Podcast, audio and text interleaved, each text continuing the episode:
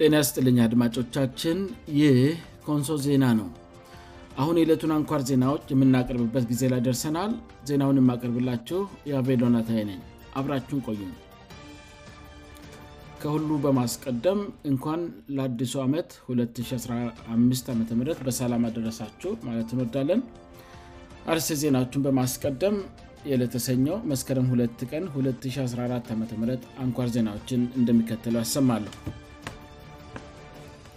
ሄስ ትራቪል ኢትዮጵያ በኮንሶ ዞን በ18 ሚሊዮን ብር የኢንቨስትመንት ተቋማት እየገነባ ነው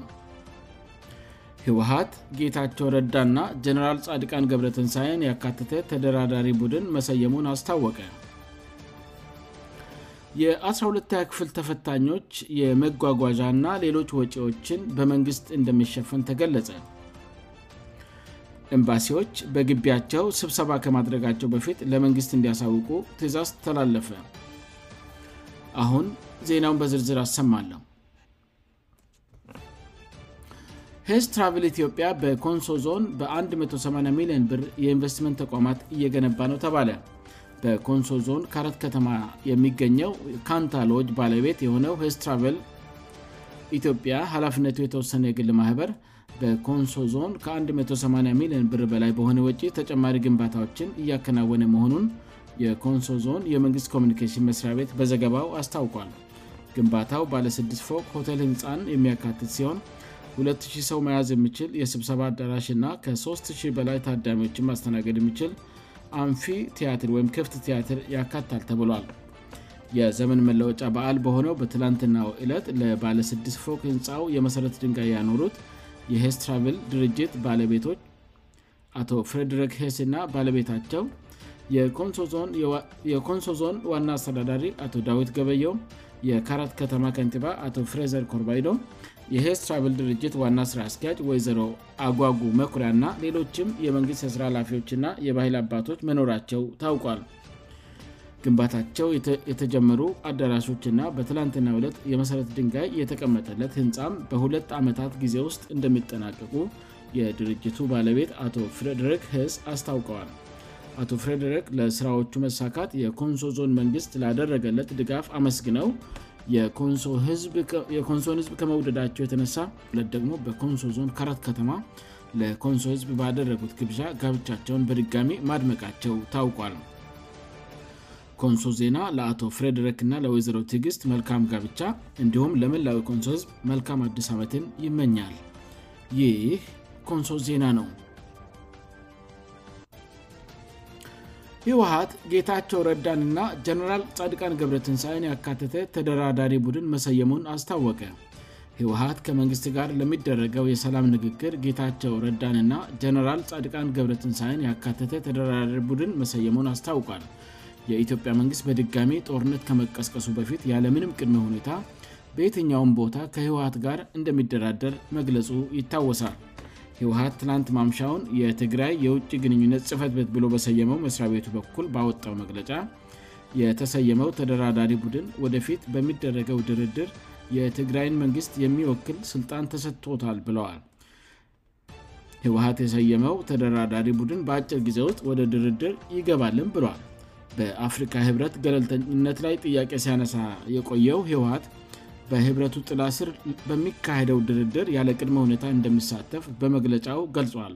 ከዚህ ባለፈ ምቹ ሁኔታን ለመፍጠር አፋጣኝና በጋራ ስምምነት የሚደረግ ተኩስ አቆም ዝግጁ ነኝ ብለል በመግለጫ ህወሀት በሀገሪቱ ለተከሰተው አሳዛኝ ግጭት ዘላቂ መፍትሄ ማምጣት የምንችለው በሰላማዊ ውይይት ብቻ እንደሆነ እናምናለን ብለል በአዲሱ ዓመት ግጭቱን አቁሜን ለሰላም እድል በመስጠት የሰላምና የብልጽግና መንገድ እንጀምር ያለው ህወሀት በአፍሪካ ህብረት የሚመራው የሰላም ሂደት አስተማማኝ እንዲሆን እንጠብቃለን ብለዋል የሰላም ሂደቱ በሁለቱም ወገን ተቀባይነት ያላቸው ሸምጋዮች እንደምጨምር እና በሂደቱ በሁለቱም ወገኖች መካከል የእርስበርስ መተማመን እንዲፈጠር የሚያግዙ አፈፃፀምን የሚከታተሉ እንዲሁም አስፈላጊውን መመሪያና ምክር የሚሰጡ ዓለም አቀፍ ታዛቢዎች እንዲሳተፉም እንደሚፈልግ ህወሀት ገልጿል በፌደራል መንግስቱና በህወሀት መካከል የነበረው ጦርነት ለወራት ጋፕ ብሎ የነበረ ቢሆንም ጦርነቱ በድጋሚ ሊቀሰቀስ ችለል ጦርነቱ ለሶስተኛ ጊዜ የቀሰቀሰው ህወሀት ነው ብሎ የፌደራል መንግስት ሲከስ ነበር የኢትዮጵያ መንግስት በድጋሚ ጦርነት ከመቀስቀሱ በፊት ያለምንም ቅድመ ሁኔታ በየትኛውን ቦታ ከህወሀት ጋር እንደሚደራድር መግለጹም ይታወሳል ህወሀትን በተመሳሳይ ለድርድር ዝግጁ መሆኑን ቢገልጽም ህወሀት በአፍሪካ ህብረት ላይ እምነት እንደሌለው ሲገልጽ ቆይቶ ነበር ይሁንና አሁን ግን ያለ ቅድመ ሁኔታ በአፍሪካ ህብረት መድነት በሚደረገው ድርድር ላይ ተሳታፊ ለመሆን ፈቃደኛ መሆኑን ጦርነት በአስቸኳይ እንዲቆምም በመግለጫው ጠይቋል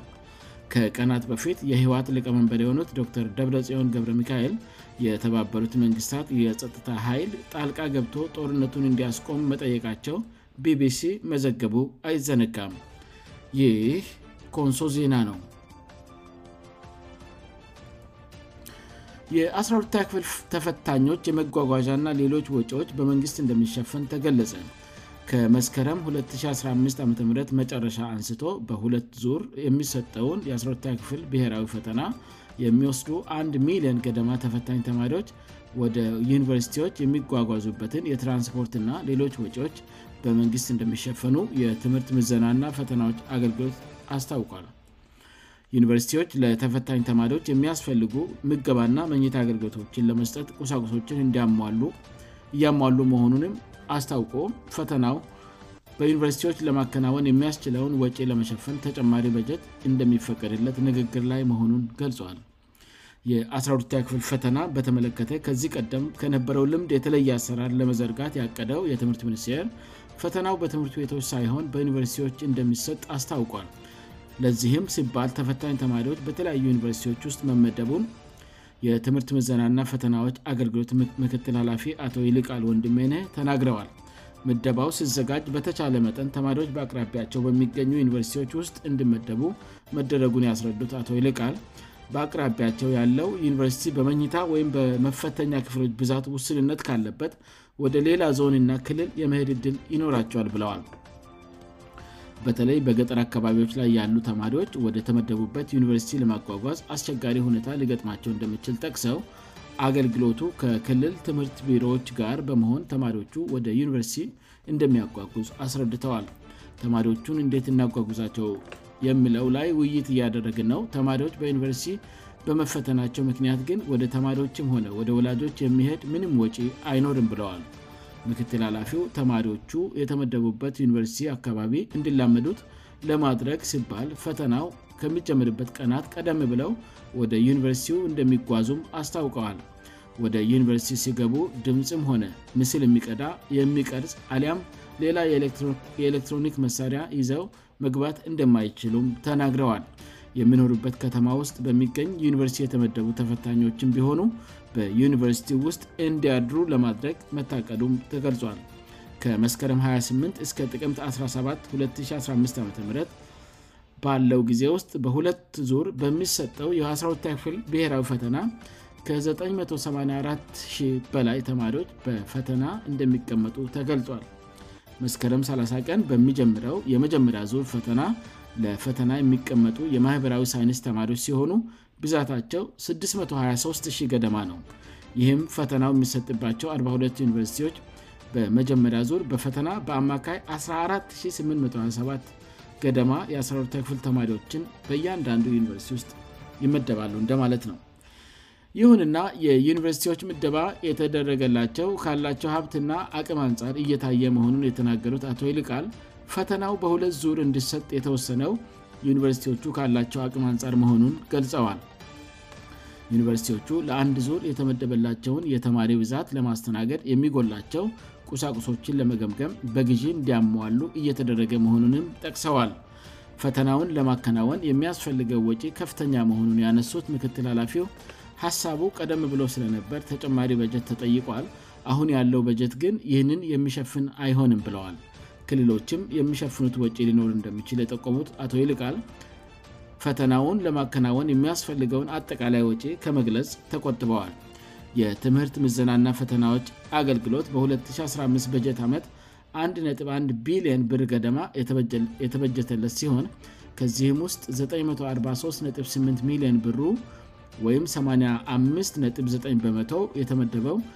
ለፈተና ዝግጅት ለእርማት ለውጠት ጥንቅርና ለተማሪዎች ምደባ ነው ተብሏል ትምህርት ሚኒስቴር የ12 ክፍል ፈተና በዩኒቨርስቲዎች እንድሰጥ የወሰነው ከፈተና ስርቆት ጋር በተያያዙ ችግሮች ለመቅረፍና ከዚህ ጋር ተያይዞ የሚሰራጩ መረጃዎች የተማሪዎች ስነ ልቦና ላይ የሚያደርሱትን ጉዳት ለመከላከል መሆኑን አስታውቋል ሚኒስቴሩ ዩኒቨርስቲዎች ለፈተና ለሚቀበሏቸው ተማሪዎች አገልግሎት ለመስጠት ዝግጅት እንዲያደርጉም ትእዛዝ ያስተላለፈው ከአንድ ወር በፊት ነበር የትምህርት ሚኒስቴር ዴታው ዶር ሳሙኤል ክፍለ ለ42 ዩኒቨርሲቲዎች በጻፉት ደብዳቤ ከመስከረም 28 ቀን 2015 ዓም አንስቶ ምንም መደበኛ ተማሪ በግቢያቸው ውስጥ እንዳይኖሩ እንዲያደርጉ ትእዛዝ አስተላልፈዋል በሚመደብላቸው የተማሪ ብዛት ልክ ምግብ ለማቅረብ እንዲዘጋጁና የፈተናውን አሰጣት ደህንነት የሚቆጣጠር ግብር ኃይል እንዲያዋቅሩም በደብዳቤው አሳስበዋል ይህ ቆንሶ ዜና ነው እምባሲዎች በግቢያቸው ስብሰባ ከማድረጋቸው በፊት ለመንግሥት እንዲያሳውቁ ትእዛዝ ተላለፈ የኢትዮጵያ መንግስት በሀገሪቱ የሚንቀሳቀሱ የውጭ ሀገር ኤምባሲዎችእና ሚስዮኖች በቅጥር ግቢያቸው የሚያደርጓቸውን ስብሰባዎች ከማካሄዳቸው በፊት በቅድሚያ እንዲያሳውቁ ትእዛዝ አስተላለፈ የሜየውጭ ጉዳይ ሚኒስቴር ጳጉሜ 5